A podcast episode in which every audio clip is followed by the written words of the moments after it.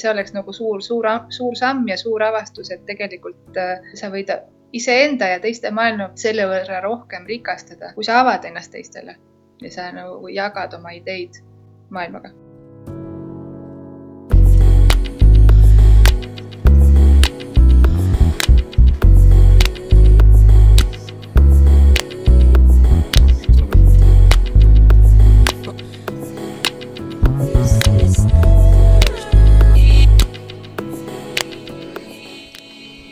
kuulajad, tervitused Californiast. minu nimi on Rainer Sterfeld ja te kuulate üheksateistkümnendat episoodi saatest Globaalsed eestlased, kus minu eesmärgiks on vabariigi sajandaks sünnipäevaks luua mälupilt silmapaistevatest Eesti inimestest üle maailma ning üksteiselt õppida. täna on kahekümne esimene märts kaks tuhat seitseteist ning minu saatekülaliseks on äh, tõeline globaalne eestlane, kes on hea näide, mis võis äh, juhtuda inimesega, kes ütles äh, tuhande üheksasaja üheksakümnendate Eestis kõikidele võimalustele jah. ja, ja lugu sellest, kuhu selline teekond viia võis. Äh, minu vestluskaaslane täna Katrin Kalmurand, keda tõesti ei olegi võimalik panna mitte ühtegi muuse kasti kui globaalne eestlane. ta on töötanud nii president Meri kantseleis, Maailmapangas, erapankades, õppinud Kormes kõrgkoolis ja, ja palju muud, mis lihtsalt lühikirjeldusse ei mahu Äh, viimased viisteist aastat elab Katrin Peruus, olles töötanud seal nii tekstiilitööstuses, toiduainetes tööstuses, äh, ettevõtluskonsultandina ja nii edasi. tere tulemast saatesse, Katrin. tere, tere, Rainer. kust maailma nurgast ma sind praegu leida võin, ma, ma eeldan, et Peruust. Ja, ja ma olen praegu Liimas Peruus, täiesti teisel pool maailma kui äh, meie ühine tuttav tutvustas meid teineteisele, see oli juba äh, tükk aega tagasi tegelikult, siis ta kasutas sellist lauset, et hulljulge naine, ilmselt ainuke eestlasest ettevõtja Peruus. et kui sa ise kohtud uute inimestega, kuidas sa, kuidas sa end ise kirjeldad? Eh, noh, ma ütlen, ma olen Eestist ja siis, kui nad küsivad, et, et, äh, et mis Eesti on või kus Eesti on Eh, siis ma seletan, et nad on, et ta on seal eh, Soome lähedal eh, ja siis Venemaa lähedal. ja siis väga tihti aetakse segi Eestit Sloveeniaga, et hispaania keeles on e, e, noh, väga paljud sõnad, mis inglise keeles hakkavad S-tähega, Hispaanias samad sõnad hakkavad E-tähega, nii et S-i ees on E. nii et siis Estonia ja Sloveenia on nagu niivõrd lähedane ja siis teine asi, mis läheb nagu väga sassi, on nagu sassi on Balkans ja Baltics. et siis väga tihti nagu on see, see segadus ka. isegi on mulle öeldud, noh, pärast, kui ma juba inimesi tunnen ja siis nad uuesti küsivad üle, et kas sa oled Horvaatiast järg või noh, Croatia, noh, et noh, neil on nagu assotsiatsioon, et kuskilt sealt Balkanit, vist oli Balkan, ei, kas oli Balti ja siis nad nagu jäävad täiesti, panevad mööda. Noh aga see ongi selle Eesti võlu, et tuleb otsida mm. -hmm. tuleb otsida jah äh,, nagu pärli. just, täpselt. et aga räägime sinu teekonnast, mis on äärmiselt huvitav, me saime natukene ennist ka, ka rääkida, et et paneme nagu ennast sellisesse huvitavasse olukorda, et, et Eesti, Eesti saab taas vabaks, sina oled vist veel kooliõpilane, üheksakümne neljandal aastal astud äh, Äh, alles, alles paar aastat enne seda avatud eraülikooli Concordia, et õppida rahvusvahelisi suhteid. Äh, milline oli sinu mõttekäik, mis selle, mis sind selle otsuseni viis, mis, mis sellele eelnes? Uh, jah, enne, enne ülikooli minekut ma olin, sattusin ühte rahvusvahelisesse kristlikku kooli Rootsis Äh, selle, äh, selle nimi on Youth with a Mission. Äh, siis ma õppisin seal koolis ja siis meil oli, oli missioon oli Nepaalis ja Indias. et see tohutult avardas minu maailmavaadet ja nägemust ja siis mul tekkis niisugune suur tuhin ja, ja huvi, et kogu maailmat avastada enda jaoks ja äh, kunagi ma en-, või tähendab enne seda ma töötasin Eestis äh, ETV-s, äh, mis oli siis noorte ja muusikasaajate osakonnas, mis pärast erastati reklaamitelevisiooniks. ja, ja siis mul, ma olin nagu niivõrd, mulle õudselt meeldis see teletöö ja mulle õudselt meeldis see, see töö. ma hakkasin töötama siis, kui ma olin kuueteistaastane. Ja, ja minu nagu suur unistus oli, ma tahtsin Reet Linnaks saada. ja siis ma ka, mul oli pärast võimalus ka temaga koostööd teha aga siis see, pärast seda kogemust, siis mul tekkis idee, et ma tahaks saada režissööriks ja hakata tegema filme ja saateid. Ja siis, kui ma Rootsis õppisin, siis ma avastasin, et seal Rootsis on üks väga hea nagu see äh, filmikool. siis ma hakkasin uurima, et kuidas ma saaks sinna õppima minna. ja siis tuligi välja, et Rootsi õppima minna, siis on vaja, et kõige paremini saab nagu vahetusõpilasena, et siis pead vähemalt üks aasta Eestis kuskil ülikoolis õppima ja siis lähed äh,, saad sinna edasi õppima minna ja siis, kui ma tulin pärast seda India, Nepali kogemust äh, Eestisse tagasi, siis ma hakkasin ka uurima, et kui, millised koolid on olemas, et noh, pärast kui Eesti vabaks sai, siis oli, tekkis maastikule uusi ülikoole, et see oli täiesti väga huvitav, et tollel hetkel oli need koolid kõik äh, olid väga sarnased, sest nad kõik olid väga noored ja uued.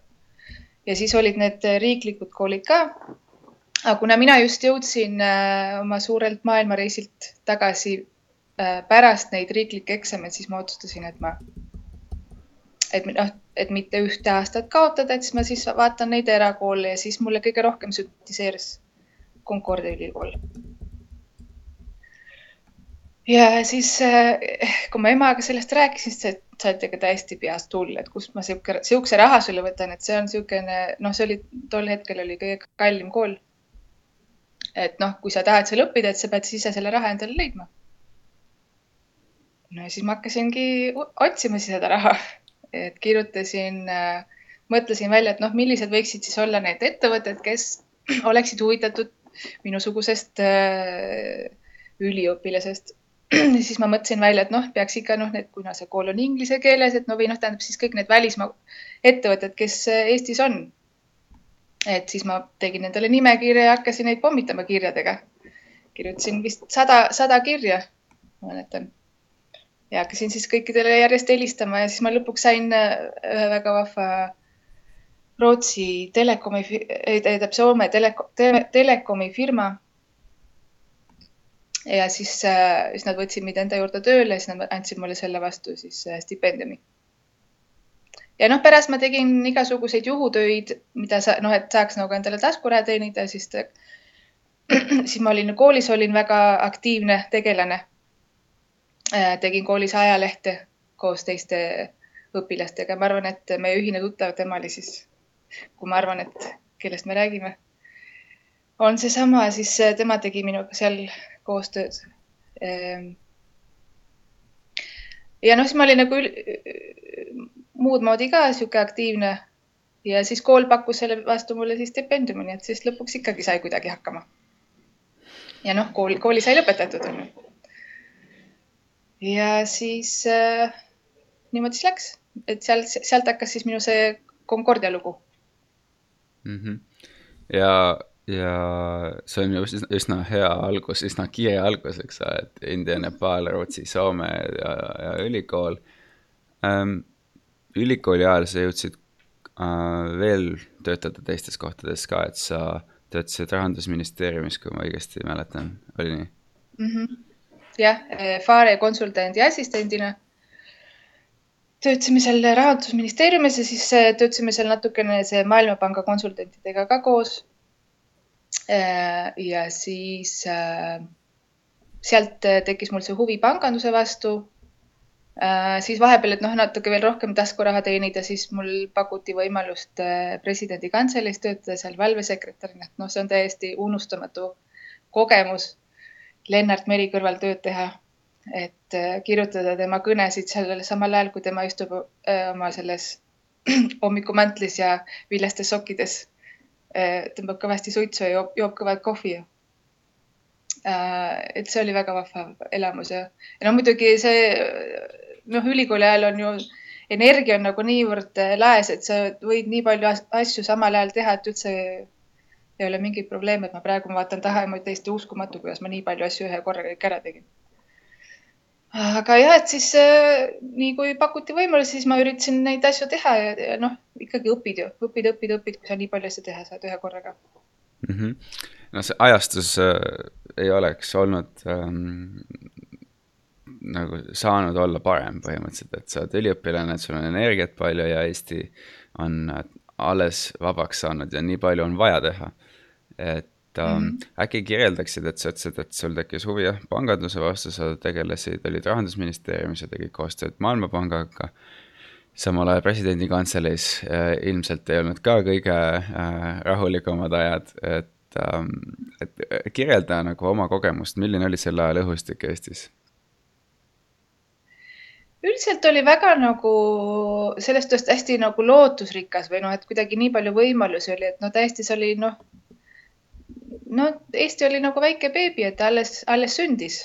ja see noh, siis äh, õpid kõigepealt äh, istuma ja siis õpid roomama ja siis kõndima ja hakkad lõpuks rääkima ka, et siis noh, ja noh, need inimesed, kellel oli kontakt välismaailmaga, et siis noh, nemad siis äh, said nagu näha, et millised ettevõtted on olemas ja millised nagu valdkonnad ühes vabas riigis olemas on, sest noh, enne oli kõik, äh, riik otsustas, et mida, mida võib teha ja mida ei tohi teha ja palju, palju tohib teha ja. nii et selles suhtes oli nagu kõik, kõik olid õpi, õpilaste rollis tegelikult ju noh, isegi need, kes noh, ühesõnaga elu, elu ülikooli õpilaste rollis tol hetkel. mis, äh, mis motiveeris sind minema diplomaatide kooli? Mis oli see asi, mis sind seda, seda motiv-, mitte noh, nagu inspireeris võib-olla? jah, ja vot kui ma ülikooli ära lõpetasin, mul oli viimase kursuse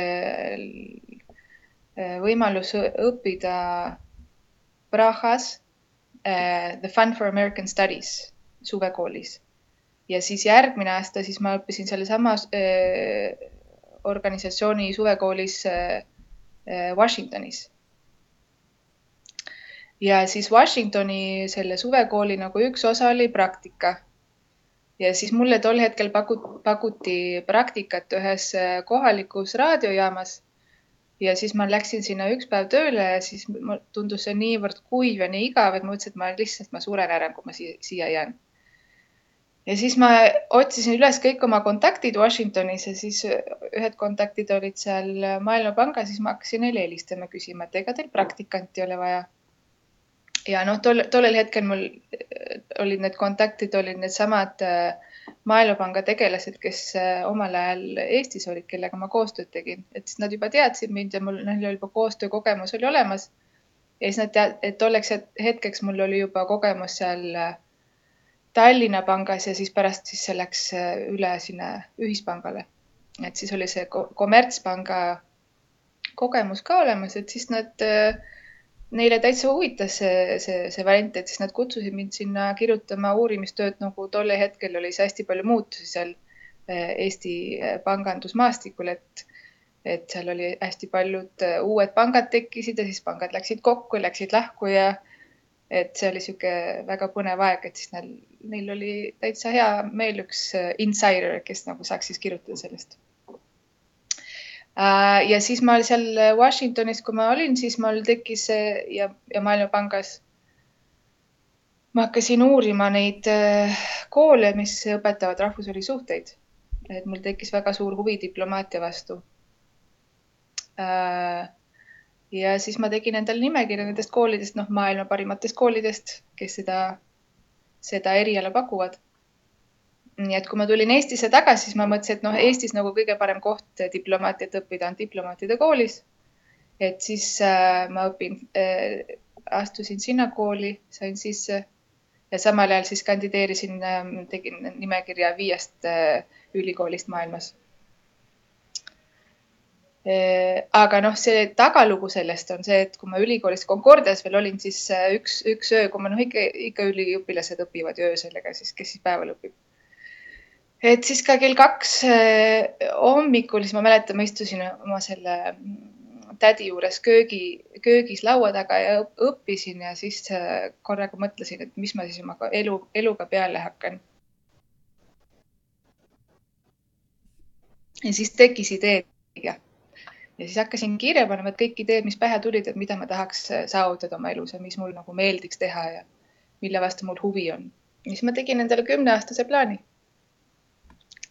ja siis noh, üks nendest plaanidest ja ma mõtlesin nagu kõik, noh, kõik need võimalikud eluvaldkonnad läbi, et mis mulle meeldiks, mis mulle meeldib, panin plussid ja miinused. ja siis ma avastasin, et see diplomaatide töö võiks ikkagi väga kihvt olla, et, et noh, saab mööda maailma ringi rännata, mis mulle see väga meeldis ja maailma avastada ja siis midagi Eesti jaoks teha, et mul nagu see suur Eesti patriotism oli südames. Äh, et jah, vot siis sealt tuli siis see otsus, et, et diplomaadi tööd õppida või selle, seda tööd kunagi tegema hakata, aga noh, elul olid teised plaanid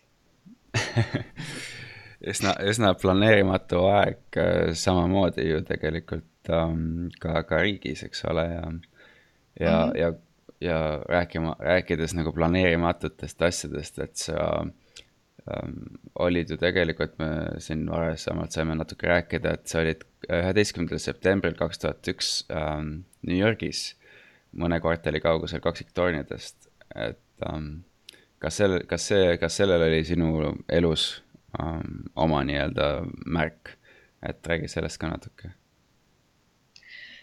vot jah, see oli see aeg, kui äh, äh, ma just lõpetasin äh, Columbia äh, ülikooli ja hakkasin äh, Merrill Lynch'is äh, täiskohaga tööle et siis ma just olin äh,, oli nagu see, meil oli see õppeperiood.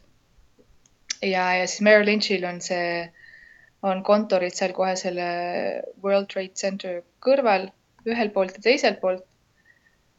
ja siis äh, mina just olin seal ühes kooli, ühel, ühes tunnis ja, ja siis kuulsime, niisugune kõmakas käis, niisugune pumm Äh, ja siis ma mäletan, et see õppejõud äh, tegi seal nalja, et oh, et näed, kõlab nagu oli kaheksakümnendatel aastatel, kus väike lennuk läks sinna World Trade Centeri sisse. Ja siis ta pidas oma seda loengut edasi ja siis, kui loengust, loengust välja saime, läksime, siis oli vist, kas oli kakskümmend kaks korrus või? kohvikusse, siis vaatasin, et kohv, äh, kohviku sein oli, kõik oli klaassein ja siis äh, oli näha, kuidas äh, inimesed koos igasuguste asjade ja mööblitega ja mis iganes kukkunes ja klaasikildudega kukkusid majast alla. Et see oli lihtsalt niivõrd äh, uskumatu nägemus, et ma oligi, et noh, ma ei, ma lihtsalt praegu, kui ma mõtlen sinna tagasi, siis äh, selline tunne, et see oli mingisugune fantaasia või mingi õudusunenägu, et noh, täiesti uskumatu, et nagu oma, oma silmadega niisuguseid asju äh, näha. Ja just sellel hetkel, kui ma nagu seda vaatasin aknast välja, siis tuli seal teise torni see lennuk sisse, nii et siis, siis oli sihuke paanika ja kõik jooksid hullult äh, ringi. ja mäletan veel sihukest nagu naljakat episoodi, et see päev meil nagu selle äh, koolituse lõpetati, noh, kuidas on kõrgmajades. et no millised on väljapääsud, et millist, millist äh, treppi tohib kasutada, millist treppi ei tohi kasutada. üks trepp, kus on only for emergencies. Emergencies only ja siis tol hetkel ma nagu nägin seda treppi, et vaat sellise emergency only ja siis nagu esimene mõte tegi, et oi, seda ust ei tohi nagu lahti teha. aga siis mõtlesin, et oi, aga praegu on ju emergency, et lihtsalt see võtab nagu noh, see olukord on niivõrd uskumatu, et see võtab nagu aega, et nagu endale registreerida, et nii, nüüd peab reageerima. Siis ma jooksin need kakskümmend kaks korrust oma kõrgkontsadega alla ja siis äh, ühe teise selle töökaaslasega, siis me hakkasime nagu hästi-hästi-hästi ruttu Manhattanist nagu ülespoole, äh, põhja poole liikuma ja siis me jõudsime sinna äh, ühe silla peale ja siis, kui me seal silla peal siis kõndsime, kõndisime, siis vaatasin tagasi ja siis nägin, kuidas need kaks torni üheskoos alla kukkusid ja huvitav oli see, et noh, inimestel nagu see reaalsustaju on nagu noh, et igapäevane elu on nagu nii, nii lill, et sa lihtsalt äh, ei suuda nagu endale registreerida, et nüüd on mingisugune hädaolukord. et enamus inimest, kellest me mööda jooksime, olid lihtsalt seal seisid ja, ja vaatasid suu ammuli üles, et noh, niisugune nagu nagu mingisugune nagu lõbustuspargis või noh, mingi sihuke nagu äh, entertainment, noh inglise keeles. Meelelahutus. meelelahutus jah, aga noh, eks see ja siis see sel päeval, no see mõte oligi see, et nüüd peab sellest Manhattanist ruttu-ruttu ära minema, sest see on, see on ju saar, et siis kui mingisugune nagu mingi sõda või värk, no siis hakkad juba mõtlema neid kolmanda maailmasõja mõtteid ja tuleb, et siis noh, kindlasti esimene asi on see, et nagu pannakse nagu liiklus kinni. et siis on ruttu-ruttu vaja, et sealt Manhattanist ära saada, siis me ja siis see töökaaslane, tema elas Brooklynis, et siis me läksime üle silla Brooklynisse. ja siis äh, tekkiski niisugune mõte, et näed, et mina nagu mõtlesin, et ma lähen nagu vabasse maailma ja vaba, vaba noh, nagu arenenud riiki, kus nagu kõik on nagu hästi turvaline ja Eh, noh, turvaline ühiskond. et, et noh, nüüd siis nagu sihuke, et nüüd ma alustan oma elu ja karjääri siin selles turvalises ühiskonnas ja siis esimene pauk on siis kohe selline onju, et, et nagu noh, oma, oma saatuse eest ikkagi ei põgene onju. ja ometi mõned kuud hiljem kolisid sa Peruusse ei, see ei olnud mõned kuud, siis ma olin veel ja, ja ei, ma läksin, see oli kaks tuhat üks, aga siis ma kolisin kaks tuhat kolm, kolisin ära ah mõned et aastad siis läks, jah. ja, ja, jah. Et ähm, yes. aga mis, kuidas nägi välja sinu, sinu töörütm ja elurütm pärast äh, kaksiktornide kokkukukkumist? ei noh, siis oli kas vist oli nädal aega, et ei olnud midagi, on ju, ja siis äh, äh, ja siis pank äh, organiseeris äh, noh, sealt Manhattanilt oma nagu tegevuse teistesse osa, teistesse mm, kontoritesse, mis on Manhattanilt väljas. et siis äh, üks, seal New Jersey's on suur, olid need kontorid ja siis oli seal Long Islandil, et siis noh, meie osakond oli siis esialgu oli Long Islandil. käisime siis seal tööl, et seal Manhattanil viidi, viidi meid bussiga hommikul ja toodi pärast ja siis pärast oli seal äh, New Jersey's. et noh, see oli ikka sihuke hädaolukord, kus äh, pidi lihtsalt kohanema uue olukorraga. ja, ja noh, mul alguses oli küll nii, et oli hirmus äh, tänavatel kõndida, ma mäletan ja, ja oli nagu hirmus sinna metroosse minna, aga siis noh, inimene harjub kõigega ja siis saad sellest hirmust ka lahti. ja, ja nagu ma juba korraks äh korraks panin ajaga mööda, aga, aga tahtsin jah sinna jõuda, et, et kuidagimoodi jõudsid sa ikkagi New Yorgist Peruusse. et järjekordne selline ootamatu, planeerimatu võib öelda siis käik, et kuidas, kuidas see, kuidas Peruu sinu jaoks juhtus? vot ja vot see oli jällegi üks asi, mida ma elu, eluilmaski poleks uskunud, et noh, et ma nagu üks päev elun, elan Peruus aga ma sain New Yorgis sain nagu ühe noormehega tuttavaks, kes praegu on minu abikaasa.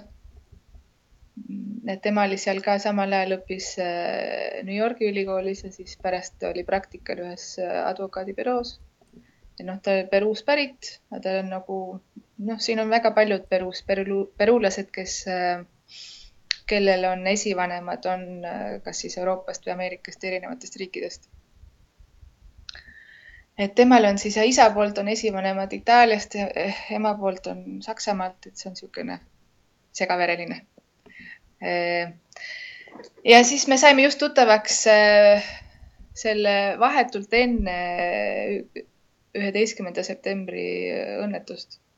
et siis noh, oli nagu mitu nädalat, kus nagu ei olnud võimalus äh, omavahel nagu suhelda, aga siis me jälle leidsime kontakti ja siis äh, sealt hakkas see pihta ja siis, äh, kui lõpuks äh, tal sai see praktika sai läbi, siis tal oli tööpakkumine, et tulla Peruusse tagasi. ja noh, alguses siis otsustasime, et teeme niisugust pika vahemaa suhet, aga noh, see, sellest ei tulnud midagi välja, sest mõlemal, kui elu on nii intensiivne, et siis peab ikkagi, keegi peab otsuse tegema siis ma otsustasin, et okei okay,, teeme ära, lähme vaatame, kuidas on Peru. et siis sealt hakkas minu siis, noh, minu jaoks on jah, see minu kolmas elu, et ma tunnen ennast täitsa kassina, vot öeldakse, et kassil on seitse elu, onju.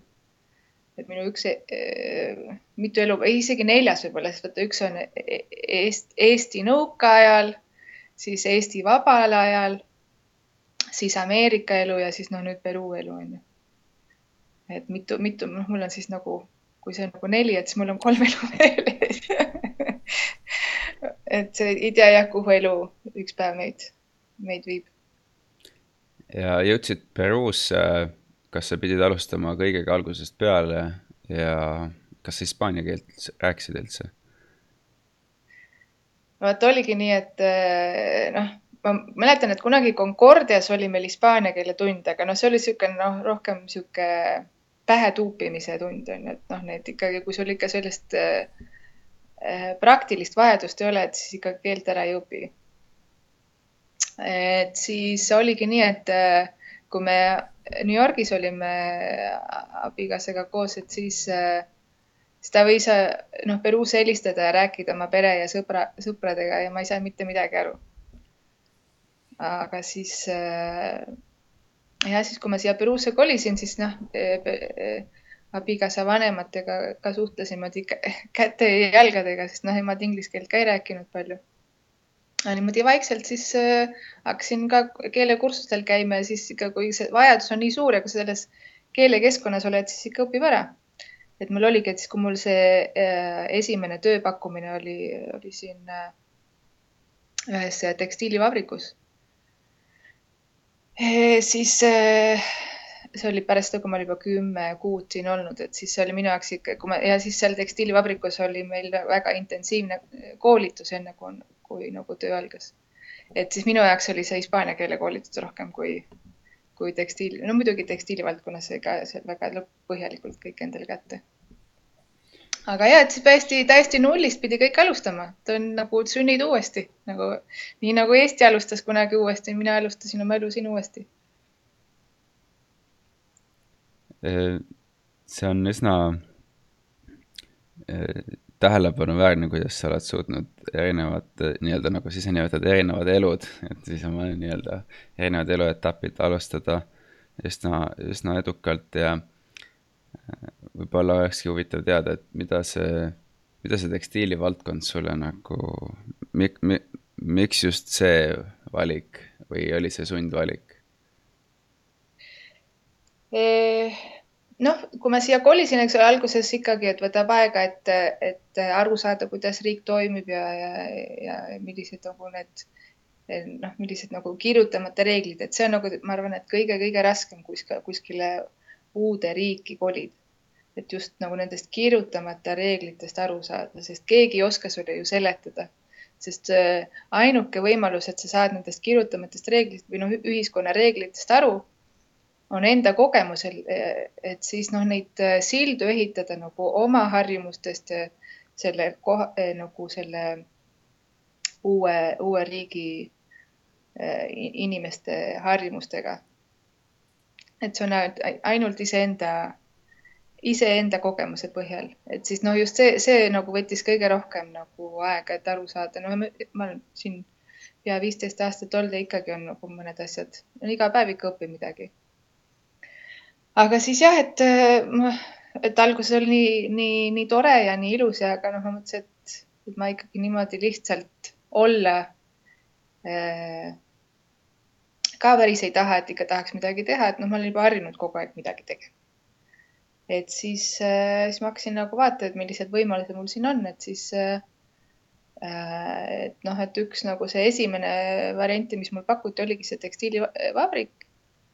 Äh, ja noh, siis kuna neil on nagu teevad äh, allhankeid äh, rahvusvahelistele äh, firma, firmadele, noh nagu see, see vabrik tegi Polo Raffaran ja, ja Burberry's ja, Hispaanias on see kaubamaja Corte Inglés, Macy's Ameerikas ja nii edasi. ühesõnaga, et siis noh, neil on nagu kliendid on kõik väljaspoolt, et siis neil oligi vaja inimesi, kes, kes tunneks seda, seda muud maailma ja oskaks nende keelt rääkida ja saaks nagu nendega kaubelda.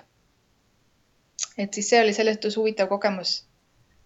ja, ja noh, mul oli ka see endal ka sihuke nagu isik, isiklik nostalgia, et noh, minu ema on äh, töö kõrvalt alati õmmelnud kodus, et nii et ma olen nagu üles kasvanud kangaste ja niitide ja lõngade vahel, et siis äh, mul ei nagu minu jaoks ta ei olnud nagu võõras maailm. et see, see tekstiilitööstuse lugu, mida sa räägid, on nii ähm, nii huvitav selles mõttes, et kus kõik sinu eelnevad ähm,, eelnevad kogemused, sinu eelnev elu tuleb nagu kokku.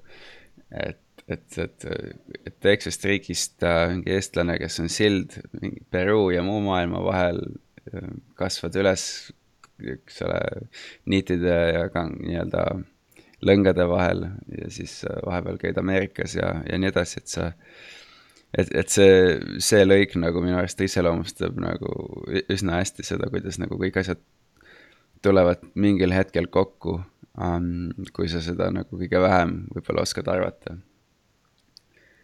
jah, seda küll jah.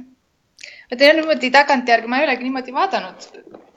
ma ei ole ka niimoodi analüüsinud oma elu, et, et noh, kuidas nagu mingist ühi, ühist, ühist joont nagu kõikide nagu sündmuste vahel leida, aga, aga sul on täitsa õigus ähm, kas äh,, ma tahaks rääkida, mis sa, mis sa pärast äh, tekstiilitööstus ka tegid, aga kuna me juba läksime sellele nii-öelda Peruu ja Eesti ja maailma radadele, et, et võib-olla äh, kas sa saaksid natuke kuulajatele kirjeldada, milline on, milline on Peruu ühiskond? jah, no üritame, ma üritan nüüd äh, silda luua.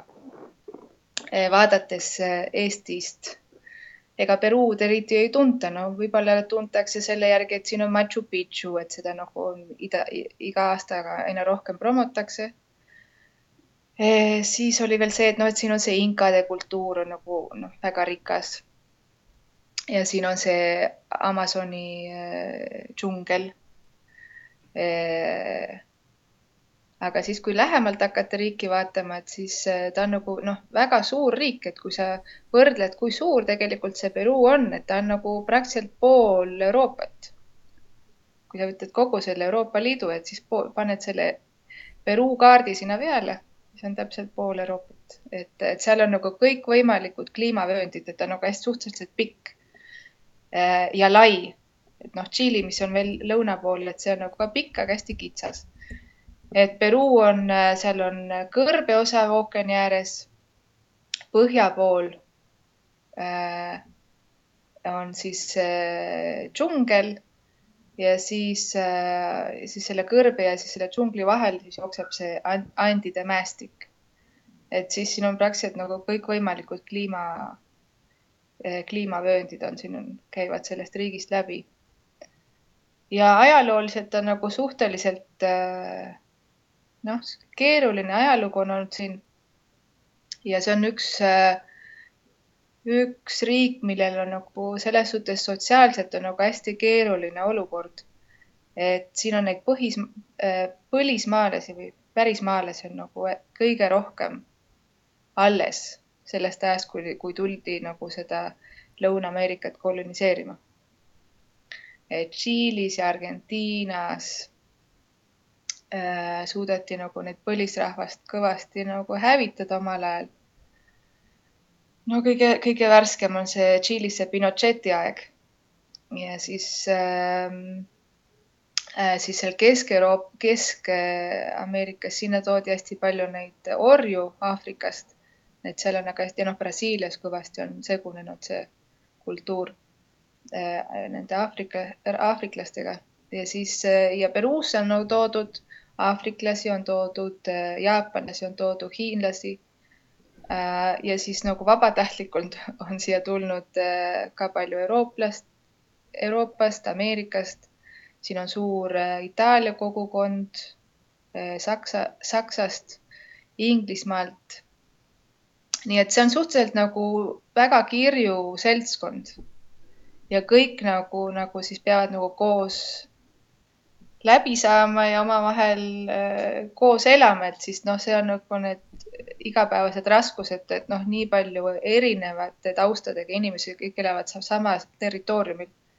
et nagu suhteliselt äh, keeruline on see ühiskond siin. võib-olla äh, milline on võib-olla suurim vale arusaam Peru kohta, mida eestlased võiksid teada ning äh, vältida mm,?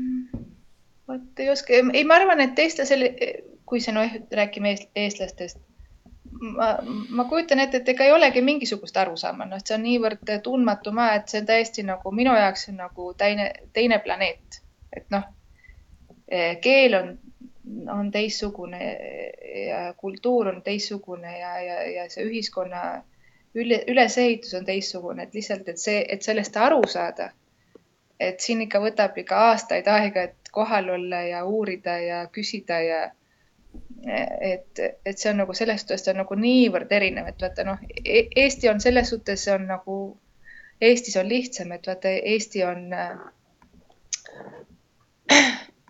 kas on eesti keeles niisugust sõna nagu homogeensem või, et noh, ühtlasem. just. jah, et äh, mäletan, kui ma abikaasaga üks aasta Eestis olin, istusime Raekoja platsil ja siis äh, äh, istusime seal Raekoja platsi kohvikus ja siis äh, mul mees äh, vaatas neid inimesi seal tänava peal ja siis ütles, et kuule, et sul on ikkagi niivõrd äh, noh, ühtlane pilt, et siin vaata, et need, meil on Peru, kui sa oled ikka Peruus on, et siis on igasuguseid, on valgeid ja pruune ja kollaseid ja pikki ja pakse ja igat, noh, niivõrd kirju seltskond on, et Eestis sul, ma vaatan, et siin on kõik täpselt ühesugused. mille peale mina siis ütlesin, et noh, kuidas see kõik ühesugused, et vaata, Eesti on ju ajalooliselt on ju nii paljude inimeste, nii paljude riikide poolt vallutatud et siin on venelased üle käinud ja sakslased üle käinud ja rootslased üle käinud ja taanlased üle käinud, et noh, meil on niisugune segu tegelikult ju. mille peale siis tema oskas ainult viisakalt naerda. et tema jaoks ei ole mitte mingisugune segu, et tema jaoks on kõik täpselt ühesugused mm. -hmm. nojah, see on see vahe, et, et äh, Euroopas äh, vahemaad on teised ja ja ajalooliselt, eks ole, inimeste nagu liikumiste distants, ütleme, segunemiseks ei olnud nii suur võrreldes, ütleme, Peruga, kus tõesti üle maailma inimesed tulevad kokku või siis võtad Ameerika Ühendriigid, et siis see skaala on lihtsalt mm -hmm. teine. Aga meie jaoks Eestis yeah. on segu suur, teiste jaoks ei ole mm. -hmm. just, just.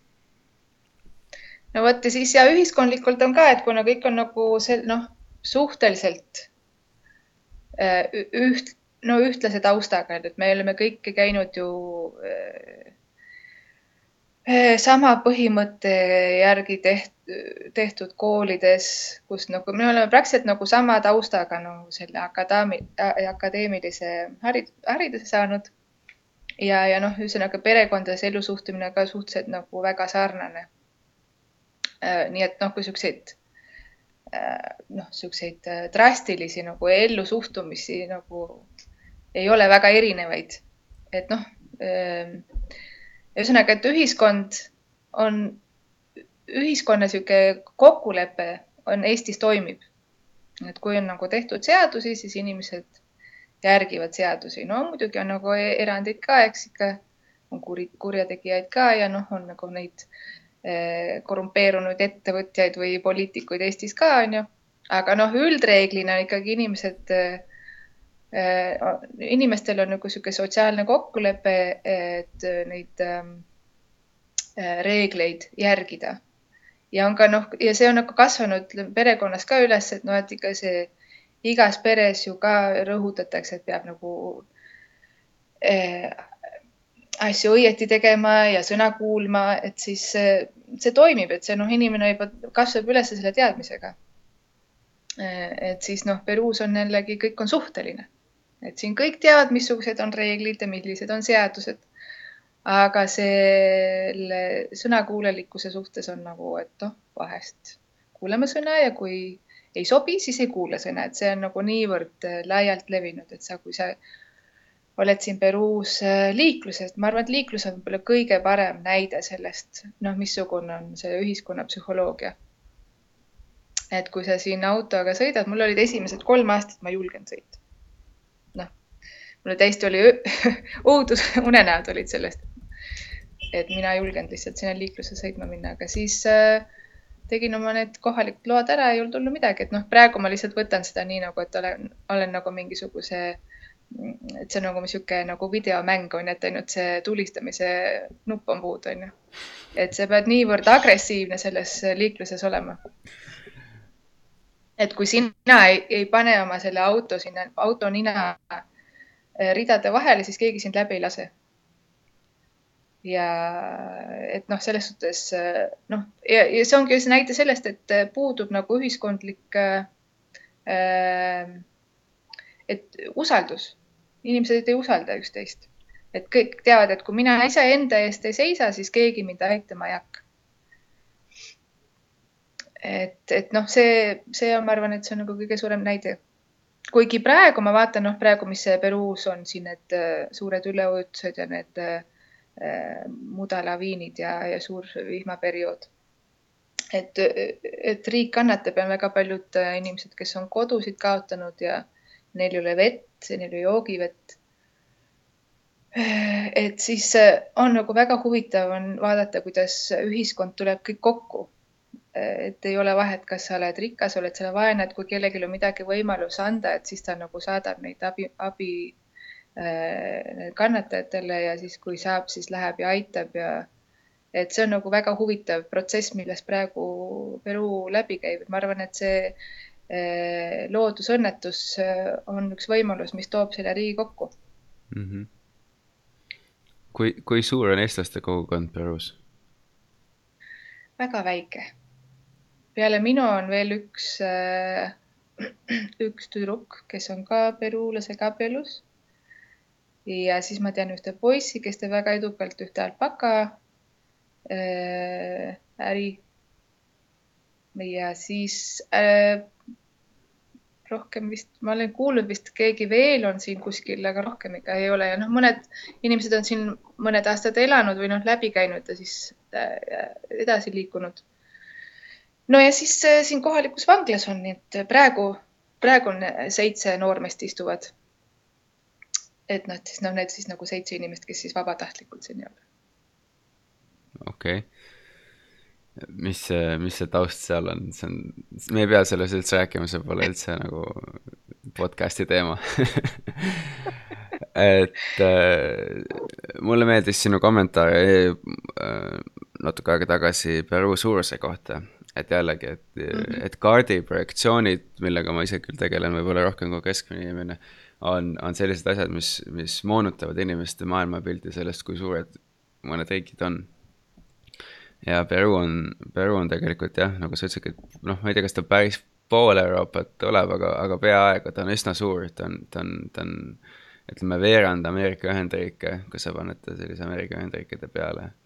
ja mm -hmm. samamoodi on inimestel, ei, ei tea Brasiiliast midagi, nad ei mõtle seda, aga siis kui sa ütled neile, et, et kui sa Alaskat ei arvesta siis on Brasiilia pindala suurem kui Ameerika pindala ja siis inimestel, oo, tõesti. nii et jah, et see, see on äärmiselt suur äh, maailmajagu, nii et äh, suur riik. sa mm, -hmm. sa mainisid korraks ka, on, et äh, on keegi teine eestlane, kes töötab ka seal alpakatööstuses, sa ise ka mingi aeg ju töötasid alpakatööstuses jah, vot seal äh, tekstiilis äh, olles ma noh, sain töötada erinevates vabrikutes. et siin Peruus on see mm, puuvill on väga-väga tuntud, see piima, piimapuuvilja, mis on nagu võrreldav selle äh, Egiptuse puuviljaga. Egiptuse puuvilla kasutatakse rohkem nagu nendes linades ja noh nendes voodilinades, et siis Peruu puuvill on nagu tuntud äh, nagu trikotaaž toodete puhul. et ta on oma, oma nagu sihuke pika, pika kiuga puuvill, et siis ta tundub sihuke hästi siidine. Äh, et noh, need tooted on siin väga hinnas. ja siis noh, teine siis on nagu sihuke väga eksootiline äh, lõng on siis see alpakalõng, millest tehakse siis äh, et ta on selles suhtes ta nagu selle Kashmiriga on nagu võrrel-, võrreldav. ta on natuke odavam versioon sellest Kashmirist, et tänu sellele, tal on nagu see pikem kiud. et siis ta on niisugune hästi-hästi pehme ja siidine. E, et see, et noh, see Peruu on nagu selles suhtes nagu väga-väga rikas oma, oma nagu sellel loodusvarade suhtes, et siin on see puuvilja ja siis on need alpakaloomad ja siis on siin see mm, juurviljad ja puuviljad, mida siin ekspordiks, eksporditakse üle maailma, et see on nagu niivõrd huvitav, et noh, need Peruu avokaadod ja mangod ja sparglid, viinamarjad Äh, ja nii edasi, et noh, siin on lihtsalt nagu niivõrd, niivõrd rikas ja külluslik see loodus siin. Et äh, sa mainisid korraks viinamarju, sa mingi aeg töötasid ka äh, alkoholi, kohalikus alkoholitööstuses. et kuidas. jah, Pisco. jah, et räägi sellest, mis asi on Pisco ja kuidas sa selle, kuidas sa selle juurde tulid? jah, Pisco eh, Pisco on jah, kohalik alkohol, et ta on nagu see, eh, inglise keeles on see white distilled alkohol, et ta on nagu selle samas kat-, eh, ütleme, samas kategoorias nagu siis eh, noh, nii nagu vaata Eestil ja Venemaal on see viin, mis on noh, juba aastasadu, eks ole, hakanud kodudest hakata puskarit tegema, siis sealt on välja kasvanud see suur tööstus et siin Peruus on jah, see viinamarja, viinamarjadest tehtud alkohol, siis destilleeritud alkohol. Ähm, et see on niivõrd äh, huvitav jook, et noh, mina olen täiesti vaimustatud sellest, äh, et noh, kui me kuskil kokteili on või siis ma alati eelistan see Pisco kokteile, sest ta on lihtsalt nagu niivõrd niivõrd hea puhta maitsega, noh, kui räägime, siin on, on ka halbu piskosid, aga, aga kui hea piskoga teha, et siis see on nagu väga-väga hea. et äh, seda võrreldakse äh, grapaga, noh näiteks on ju, aga grapat tehakse Itaalias äh, sellest, nendest viinamarjadest, mis on nagu sellest, on niisugune ülejääk, mis noh, need viinamarjad, mis on Äh, välja pressitud, et veini teha, et siis noh, need äh, koored, mis on üle jäänud, et siis neid on pandud käärima ja siis noh, destilleeritud. et siis Peruus on siin spetsiaalselt on, on arendatud äh, viinamarja sorte äh, selle, piskot teha. et siis siin on sellest, et ta nagu hästi-hästi, Peruu pisko on nagu hästi puhas, et sa võtad nagu sada protsenti viinamarju ja paned seda käärima et noh, nii nagu veini tegema ja siis testi, destilleerid seda puhtalt. et siis seal ei panda mingit suhkrut juurde ega mingeid maitseaineid ja see ei panda kuskile tünni istuma, et saaks nagu seda värvi või, või seda puidu maitset, noh, nii nagu näiteks brändi puhul tehakse, või konjaki puhul.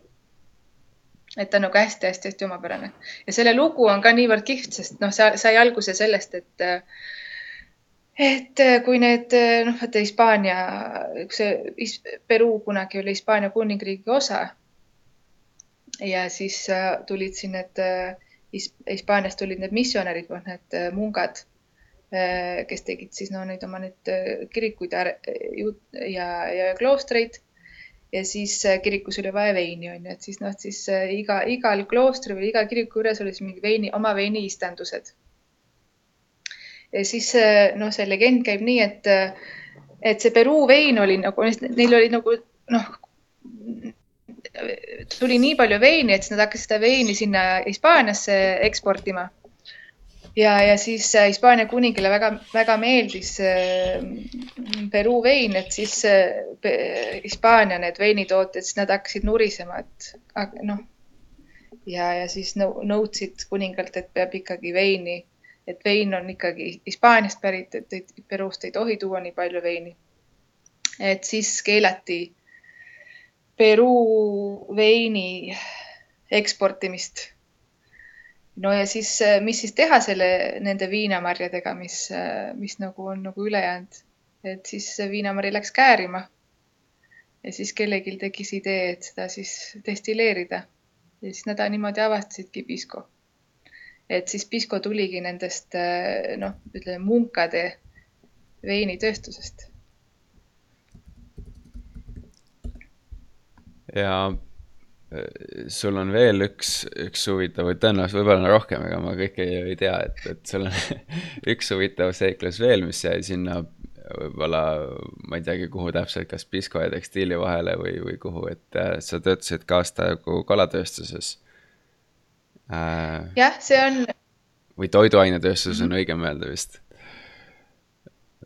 jah, vot see on sihuke huvitav asi, et ma isegi, ma ei teadnudki asi, et olemas on, aga, aga siin äh, Peruus ja Tšiilis, äh, noh, siin ookeani ääres, et siin kasvab või noh, tähendab ookeanis on neid äh, anchoveta, ma ei tea, kas eesti keeles on siis antšoovid või? Antšoovid, jah. jah, no need siuksed pisikesed äh, kilu ja, ja heeringa sarnased kalad, sugulased siis jah. Et neid on nagu täiesti massiliselt, massiliselt seda kala siin, et nad hakanud siis on, on see tööstus on, et ta võtab nagu tonnide viisi, kalastatakse neid, siis neid küpsetatakse, purustatakse jahuks ja see on siis nagu see toiduainete tööstuses kasutatakse siis äh, äh, loomse äh, valguna. et siis söödetakse neid krevetivabrikutes krevettidele ja siis lõhevabrikutes lõhedele ja kunagi oli ainult kanadele ja siis äh, lehmadele ka, aga nüüd vist enam ei, ei tehta ühesõnaga, see on niivõrd massiline, see, mida siin teha, tehakse, et, et noh, see oli täiesti uus, uus ähm, äh, maailmaavastus minu jaoks. et ma tundsin ennast nagu Alice in the Wonderland. Äh, et noh, need, need tehased on täiesti massilised ja sellel, selle, see võtte, ettevõte, kus mina töötasin, et see oli Peruus, oli üks teine ja maailmas vist kolmas suuruselt. et äh, ja need vabrikud on nagu noh, täiesti noh, niivõrd suured. et see skaala on täiesti uskumatu, aga noh, see oli omaette kogemus, et siis noh, hakkad nagu, ma sain nagu selle kaudu hakata nägema, et noh, missugune on see äh, toiduainetööstuse ahel, et noh, et kust, et millega toidetakse meie toitu. ja, ja siis noh, et see on nagu üks vähestest noh, naturaalsetest siis nagu meie toidu toidust. et enamus nagu nendele loomadele ja kaladele, mida meie sööme, toidetakse üks niisugune segu, kus on noh, nagu siis balansseeritud, et oleksid vitamiinid ja valgud ja süsivesikud tehakse üks segu ja aja jooksul see segu läheb aina rohkem äh, keemiaks või noh, tähendab tehistoiduks, et siis äh, just see, see kalajahu on nagu üks nagu see väheseid naturaalseid äh, toidu, ütleme meie toidu, toiduallikaks räägime sinu viimasest projektist ka, milleks oli siis, äh, ma saan aru, äh, Amazonase vihmametsa vihmast äh, pudelivee toote arendamine. kas, kas ma sain selle asja nüüd õigesti? jah, sa said väga õigesti aru. ja see viimane projekt oli niivõrd huvitav, et meil üks sõber pakkus sellise idee välja, et hakkas uurima, et kui palju nagu üldse maailmas kasutatakse vihmavett. Siis ta avastas, et on, et toodetakse pudelis vihmavett. Tšiilis, Mehhikos, Ameerikas on päris mitu äh, firmamärki ja siis äh, Austraalias ja Tansaanias, seal on ka kolm, kolm erinevat firmat, kes sellega tegelevad. nii et see, see, see on nagu niivõrd huvitav ja omapärane toode ja siis me hakkasime seda turgu uurima, et see, see on niisugune huvitav nišš, väga peen nišš. et maailmas ja restoranides ja nagu kõrgel tasemel restoranides, et seal on ikka ju kõik tooted peavad tasemel olema, et siis äh, väga palju tegelikult ei mõelda selle peale, et kui sul toit on nagu sihuke noh, ütleme viie tärni hotell, selles äh, viie tärni restoranis et on nagu toit on nagu kõrgel tasemel, et, et äh, kokk on nagu väga hea tasemel Michelini staaridega. ja siis, äh, aga mis nagu siis selle toidu kõrval sulle pakutakse, et siis noh, vein on nagu väga kallis sulle või sa võtta noh, kõrg, et seal väärtustatakse kõrge kvaliteediga veini.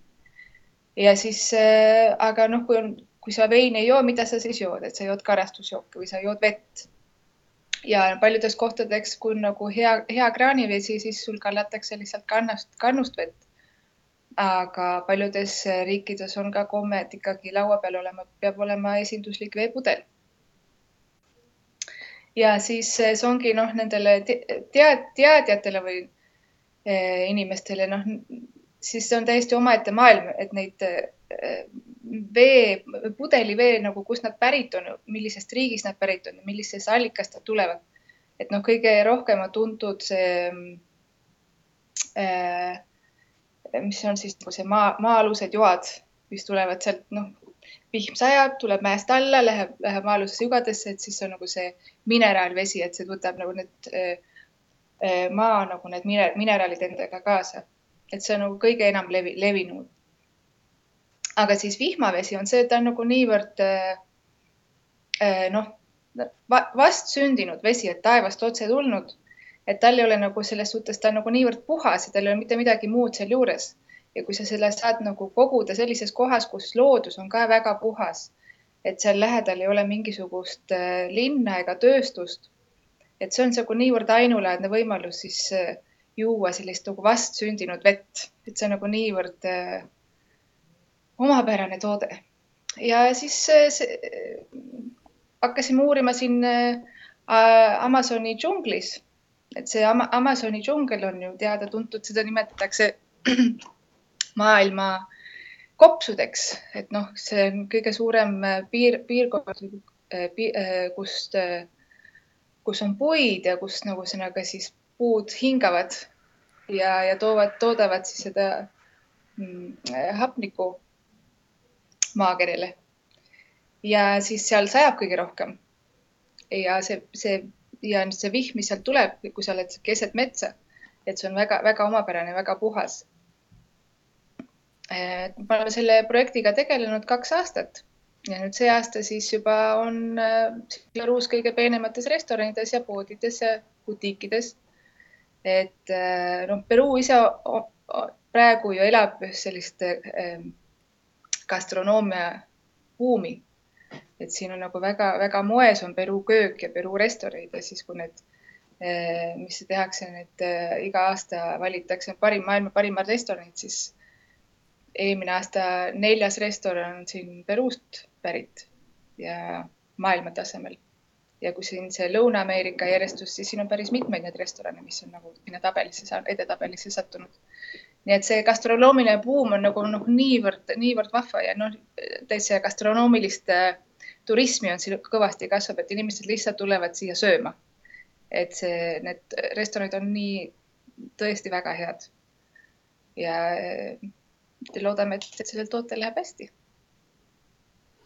see on äh, jah, ma tahtsin isegi öelda, et, et see peaks hästi mõjuma ka Peruu gastronoomia nii-öelda võidukäigule, mis viimase paari-kolme aasta jooksul on olnud, et see on mm, -hmm. see on, et kuidas äh, selle veeprojekti puhul äh, vaadatakse sellist, et mis, mis kogustest üldse nagu jutt võib käia põhimõtteliselt?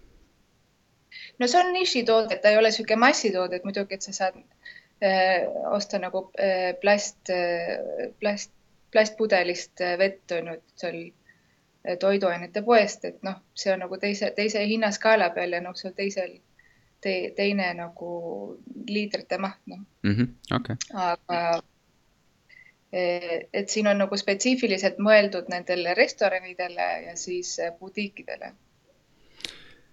ja kas see on nüüd selles mõttes natukene nagu off topic küsimus, et äh, et sa mainisid, et see vesi on nii-öelda, nii-öelda vastsündinud vesi ja et ta ei ole eh, omastanud eh, mineraale, mis eh, tavaline mineraalvesi endaga kaasas kannab. kas keegi on analüüsinud seda vett ka, mis selle vee sisaldus on e? On küll ja muidugi see, see vee kvaliteedi äh, analüüs on väga suur äh, ja tähtis osa selle, selle puhul, et, et äh, kindlaks teha, mis tasemel see vesi on. noh, see vee kvaliteet on nagu, see on, see on nagu esimene asi, mida analüüsitakse. nii et, äh, et noh, üldse nagu minna selle äh, premium water või nagu siis nagu, mis on siis eesti keeles äh,. ta läheb sellise luksustoote alla, eks ole jah, no peaaegu et ja luksus, sest see on nagu see nagu mass market ja, ja luxury, ta on seal vahel, eks ole mm. -hmm. et siis, et see, et noh, et sa üldse saaksid nagu kandideerida sel, sellele turule, siis sa pead nagu tõendama, sul, sul see kvaliteet on nagu väga heal tasemel, et sul ei ole neid äh,, ei ole neid nagu metalliosi ega sul ei ole nagu liiga palju nagu eh, noh, ühesõnaga, et, et see vesi peab puhas olema ja noh, iga, igal nagu veel oleneb, kust ta, kust ta pärit on, et kas ta on nagu maapõuest või ookeani alt on ka äh, näiteks on olemas äh, mageveejoad, mis jooksevad ookeani alt, et see näiteks Jaapan toodab, toodab ühte niisugust huvitavat vett, et kus minnakse äh, magevett püüdma ookeani alla et siis noh, need on nii ja siis no näiteks äh, Islandis või, või, või Norras, et kus nagu need nendest äh, ähm, noh, igi, igijääst, mis nagu, mis nad siis suleb seal, siis sellest tehakse otse, otse võetakse seda vett, et ei lasta siin nagu maa, maa sisse sulada. et siis no igal veel on nagu omad, omad iseloomud, et siis noh, selle vihmavee puhul, et on just see puhtus ja mineraalide vähesus ja, ja siis äh, noh, see pH või siis mis see happelisuse tase, et siis see peab ka olema siis no seitsme, seitsme lähedal siis. ja viimane küsimus ka sellega seoses, et kui sa ütled, et Amazonase vihmavee vihmast ähm, tehakse seda, seda vett, et kuidas see kogumine välja näeb? E, no peab minema metsa, seal on, on, oleme pannud äh, väikse vabriku keset metsa, kus on siis, kogutakse, no need on niisugused nagu kaldes mis need on siis need kaldes katused et sa siis nagu kogud ja siis see eh, filtreerimisprotsess, et noh, seda vett puhastada, et siis see on nagu kõik ka väga nagu looduslik, et me ei kasuta mingisuguseid kemikaale, et kõik on nagu see noh, eh, need äh, need filtrid on nagu või me üritame neid hoida võimalikult looduslikult, et siis isegi kui näiteks see, see keemiline puhastus, et ei ole nagu mingisuguse klooriga, vaid tehakse nagu selle UV valgusega. Nii et äh, vesi, et vihm sajab, äh, et vihm, äh, et vesi kogutakse otse vihmast, mis sajab mööda kaldpindasid nagu katused ja siis kogutakse kokku ja siis läheb edasi filtreerimisse. just, just okay. ja noh, see katusematerjal peab ka siis nagu olema selline, et ta nagu so, äh, nagu toidutööstusse sobi, sobilik, et seal noh, et siis see katus ise ei anna nagu mingisuguseid äh, lisa nagu maitset ega mingisuguseid aineid sinna veele juurde. et noh, see idee on selles, et, et sõna otseses mõttes see vee, vihmaveetilk kukub otse sulle pudelisse. Äh, kui me alustasime saadet, siis sa korraks mainisid seda, et kuidas sa kirjeldad, kus Eesti asub, aga kui keegi küsib, milline on Eesti, siis äh, kuidas sa, kuidas sa vastad? Eh, no ma alati mainin äh, Tallinna vanalinna, et see on väga ilus, väga muinasjutuline, keskaegne linn, nii nagu Disney World, aga veelgi ilusam ja ehedam. Eh, mainin loodust, et on väga palju metsi ja et väga puhas loodus on ja et ja siis see huvitav kõik, et siin nagu ma ei teagi, mitu tuhat saart Eestil on, et kuigi ta on nii pisikene Eh, ja huvitaval lool, et noh, need inimesed, kel, kes siin Peruus, noh, kellel meeldib reisida, et siis väga-väga äh, kuulus on äh, kruiisireis selles Balti meres siis siis alati peatub Tallinnas ka. et noh, enamus inimesed, kes on nagu, kes on reisil käinud, siis nad on ikkagi kunagi selle reisi ka ära teinud. et siis nad juba selle, selle kaudu tunnevad väga hästi Eestit teavad Tallinnat mm. -hmm. Eesti, Eesti saarte kohta, see on väga lihtne number, mida meelde jätta, see on kaks tuhat kakssada kakskümmend kaks. ma, ma küll ei tea, mis, millal see loendati, aga pole, pole kontrollinud, et kas see on muutunud, aga, aga selline number on meeles. Täiesti uskumatu, eks ole. jah, no seal on hästi palju väikseid, et ma ei teagi, seal üle, üle, ma ei teagi, mis pindala saari ja noh, suuremaid saari ei ole nii palju, võib-olla sadades, aga mm. -hmm. aga kui sa mõtled oma kogemuste peale äh,, nüüd oma nelja elu peale, nagu sa ise ütlesid millised võiksid olla eestlaste voorused ja tugevused, äh, mis aitavad rahvusvahelises konkurentsis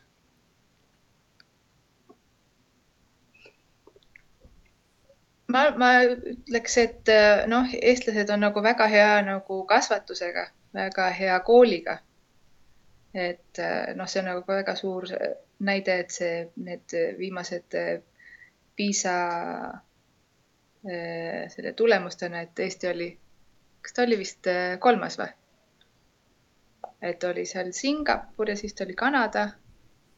ja siis Eesti vist oli kolmas, umbes nii mm et eh, noh, see on nagu täitsa arusaadav, sest noh, see, see tuleb, ma arvan, et see tuleb emapiimaga kaasa, et on nagu peab, peab tubli olema ja peab ikkagi õppima, peab tööd tegema ja peab noh, et see on nagu niisugune sisemine kohus, kohusetunne. ma arvan, et inimestele see on nagu olemas, et sa ei pea nagu inimestele selgeks tegema, miks peab hästi tööd tegema. et ma siin noh, Peruus näiteks on nagu, kui ma nüüd olen töötanud siin erinevates ettevõtetes, et siis alati mina, minu jaoks on nagu täiesti müstika, kuidas inimesed suudavad, noh, vaatavad sulle silma ja, ja neil, kui sa nagu äh, noh, heidad neile ette, et kui, kui midagi ei ole hästi teinud või midagi on valesti teinud või, või midagi on nagu ühesõnaga, et noh, ja, ja, ja on täiesti nagu noh, ja kõik teavad ja saavad aru, et see on nagu tema süü, on ju, või noh, et te, või see inimene, kellega ma räägin, et noh, tema tõttu on midagi halvasti, on ju. ja lihtsalt niimoodi äh, siiralt vaatavad sulle silma ja neil on täiesti põhjalikult äh, niimoodi õhust võtta vabandusi ja seletusi, et miks nagu ei saanud seda asja hästi tehtud. et ma arvan, et eestlasel ei tule, noh, tavaliselt ma jällegi üldistan muidugi on nagu kõiki võimalikke variante, aga tavaliselt eestlane võtab äh, kohe omaks, et ta midagi valesti teinud, peab kohe paremaks tegema. et, et ma arvan, et see, see, et sa ei pea nagu inimesele selgitama, miks ta peaks oma tööd hästi tegema või miks ta peaks midagi hästi elus tegema. et see on noh, see tuleb, see on nagu no,, ma arvan, et see eestlase eh, DNA-ga kaasas on mm. -hmm ja mida me saaksime oma oskustes ja käitumises parandada, et, et rahvusvahelises konkurentsis veel paremini läheks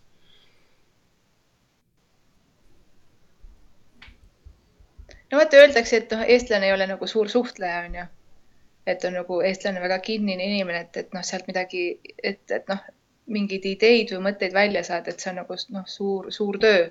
et eestlane ennast, ennast avaks, et noh, tegelikult iga eestlase see sisemaailm on ju väga rikas.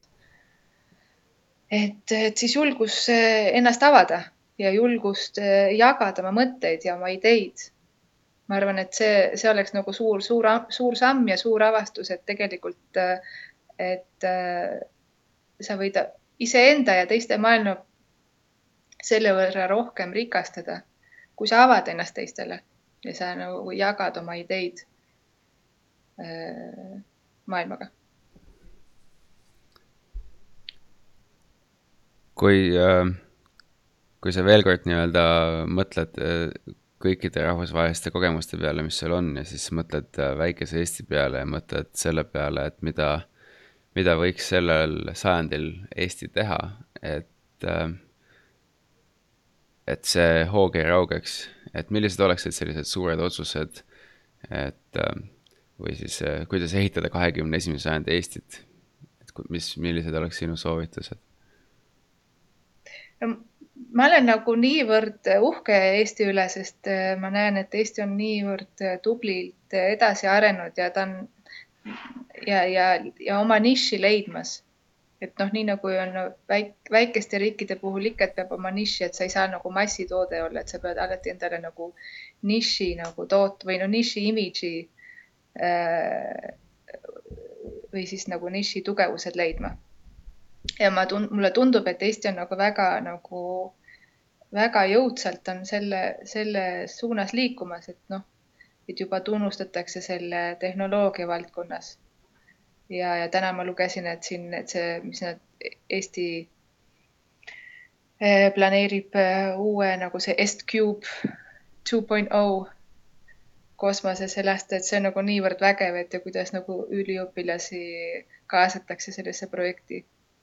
Et noh, just sellised väiksed nagu projektid, mis on nagu niivõrd äh, omapärased, et noh, ma arvan, et, et, et on oluline samas suunas edasi liikuda ja ma, ma arvan, et, et see, et see rong juba liigub nagu väga-väga-väga jõudsalt õiges, õiges rajas mm. -hmm.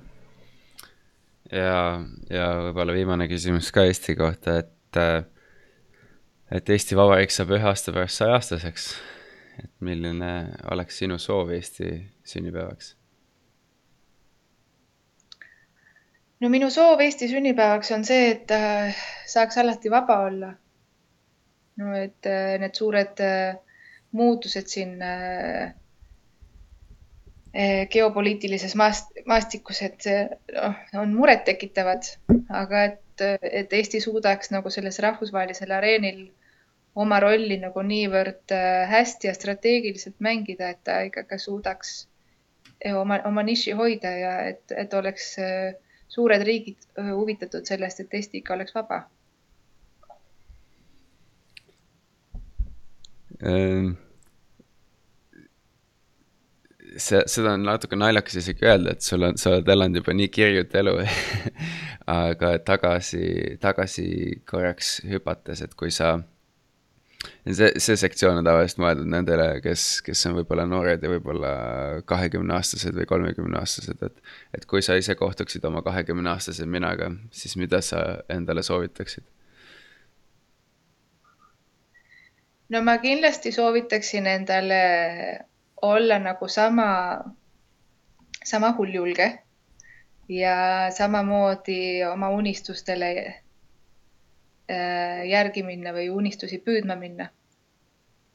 et, äh, et tegelikult vaata, me oleme seda Don Quixotet lugenud, on ju, ja siis on kuidagi see äh, enamus inimestele elu suhtumine on see, et et no mis sa neid õhulösse ikka lähed või neid tuul, tuuleveskeid on ju, et seal püüdma, et need ei ole olemas, on ju. tegelikult on küll et see on lihtsalt nagu üks nagu vaade, aga miskipärast see on kuidagi niivõrd aiu sisse surutud, et sa, et ei ole võimalik oma unistusele järgi minna, et on küll. et ainult, et noh, unistada ei maksa midagi.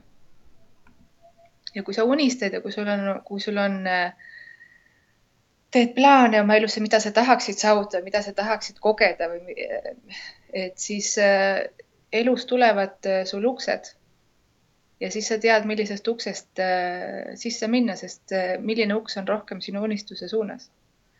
et selles suhtes äh, ma nagu patsutaksin äh, oma kahekümne aastase õlale, et jätka samas vaimus, aga vahest on ka nii, et uksed lähevad sul plahvaki vastu nina kinni.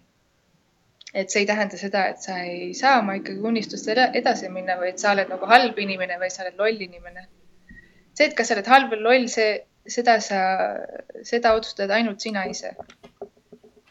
et, äh, et sellest suhtes, et kui sul uksed, uksed nina eest äh, kinni tõmmatakse või keegi nagu äh, noh, paneb sul, pöörab selja või, või olukorrad muutuvad, et see tundub, et kõik on nagu sinu vastu, et siis peab lihtsalt nagu sisse hingama ja välja hingama ja edasi minema.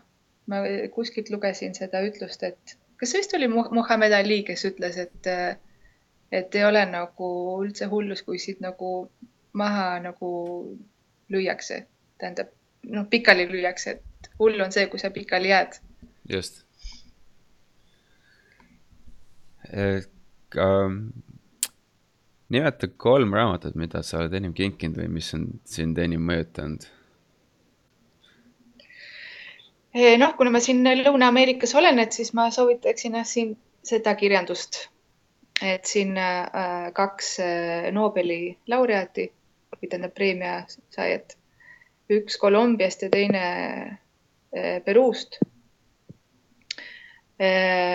Viimati, kes no,, Maria Varga Llosa on, on Peruus, tema nagu väga-väga kuulus ütleme, Ladina-Ameerika kirjanik, kes muideks mul on siin naaber, ta elab kõrval majas. See selleks, noh, praegu ta on sellest suht, suhteliselt nagu huvi orbiidis ka maailmas, et ta on hakanud, ta on või tähendab seal hispaania, hispaaniakeelses ma maailmas, sest ta jättis, ta on üle kaheksakümne aastane vana ja, ja siis ta jättis oma naise maha ja, ja siis nüüd tal uus pruut on üks Hispaania äh, sihuke socialite, üks naisterahvas, kes on nagu kõigis nagu väga nagu kuulus äh, nagu selle äh, kollase ajakirjanduse tegelane mm. -hmm et siis kõik väga palju räägivad temast, aga noh, peale selle ta on nagu väga-väga hea kirjanik. et noh, ta on täitsa seda Nobeli preemiat väärt ja siis äh, üks nendest raamatutest, mis mulle väga meeldib, on äh, inglise keeles on The Bad Girl. Hispaania keeles on Travesuras de la Niña Mala. et see on nagu suhteliselt äh, ilu, ilukirjanduslik äh,, noh, väga ilusti kirjutatud ja väga põnevalt kirjutatud ja noh, seda lugedes sa saad natuke seda Peruu tausta ka. et sa saad aru, kuidas, kuidas siin elukorraldus natuke on, aga et noh, ta räägib, tegevus toimub väga palju Pariisis ja Euroopas.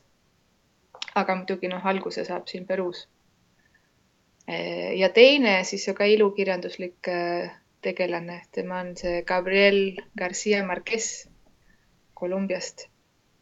ja noh, tema klassika on see One hundred years of solitude. Hispaania keeles on Cien años de soledad. ja, ja seda peetakse noh hisp eh, hispaania keeles üks nagu kõige kuulsamateks raamatuteks. Et see rääg-, see on nagu, ta on väga paks raamat, aga seda on nagu niivõrd hea lugeda, sest ta on, ta on nagu niisugune müstiline realism, kus ta no segab nagu ajaloolised faktid ja fantaasia, et omavahel et see on nagu väga põnevalt kirjutatud raamat. ja siis eh, noh, võib-olla siis niisugune nagu praktilised raamatud, et mulle nagu väga nagu suure mõju avaldunud uh, Thomas Friedman The world is flat, mis on siis uh, A brief history of the globalized world in twenty uh, first century et see avaldati kaks tuhat neli ja siis ta on vist kaks korda nagu uuendustrükke tehtud, kaks tuhat viis, kaks tuhat kuus, kaks tuhat seitse. et noh, nüüd on palju sellest on möödas, on nagu üle kümne aasta ja noh, täiesti nagu loed seda ja see on täiesti nagu noh, niivõrd noh, nüüd sa loed seda, et noh, muidugi, et sa saad kõige sellest aru, kuidas eh, globaalne maailm toimib, aga tol hetkel, kui kaks tuhat neli, kaks tuhat viis ja ma lugesin seda raamatut, see oli noh, täiesti Äh, noh, avas mulle nagu silmad, et kuidas maailm globaliseerub. et see minu arust on nagu tõesti väga nagu äh, väga oluline raamat lugeda ja siis äh, üks raamat siis, noh, mis mul väga nagu praegu, mida ma loen ise, on äh, Steve Kotler ja Peter Diamantis mm. -hmm. selle pealkiri on Abundance The future is better than you think. et see on nagu selles suhtes huvitav raamat, et see on nagu nende põhi, põhjalikult nagu research on tehtud või noh, põhjalikult uurimistöid on selle, selle raamatu taga, kus ta siis arutab nagu neid äh, maailma erinevaid vajadusi, no ühiskonna erinevad vajadused, kus rahvaarv kasvab ja on nagu siis haigused ja on äh, toidupuudus ja ja siis noh, need äh, maailmas erinevad nagu looduskatastroofid ja mis toimub, et, et noh, igal asjal on lahendus olemas. Et see teadus ja tehnoloogia areneb niivõrd kiiresti, et äh, igal, igal probleemil on lahendus olemas, et see on nagu selles suhtes väga positiivne raamat. et mis aitab nagu näha, et kuidas siis äh, tulevik võib olla, kui, kui igale probleemile lahendus leida just, et äh, võib-olla sulle ja saatekülalistele ka, et seesamane Peter Diamantis ehk siis üks, kes asutas siis äh, X-Prize'i. Ähm, seesamane Abundance on olemas ka podcast'ina, et ta teeb neid erinevaid episoode erinevate inimestega. ja üks nende mm, -hmm. üks selle abundance'i äh, nagu peamiseid, ütleme siis selliseid postulaate ongi see, et, et äh, need lahendused on olemas ja puht tehniliselt või loogiliselt on kõikidele suurtele probleemidele lahendused olemas äh, maailmas. küsimus on selles, et kas inimesed eh,, poliitikud, erinevad egod ja huvid lasevad sellel juhtuda mm. -hmm, just, just. jah ähm,. aga Katrin, tänan väga sind, et sa võtsid aega minuga rääkida äh,. ma arvan, et sinu näol on tegemist äärmiselt äh, inspireeriva inimesega ja hoiad Eesti lippu kõrgel kaugel Peruus aitäh, Rainer, aitäh! head saatekuulajad, ähm, sellega meie tänane saate läbi. Äh, kui teil on mõtteid, ähm, soovitusi, kellega me veel võiksime rääkida, saatke palun email globaalsedeestlased.com, vabandust, globaalsed eestlased at gmail.com, kuulmiseni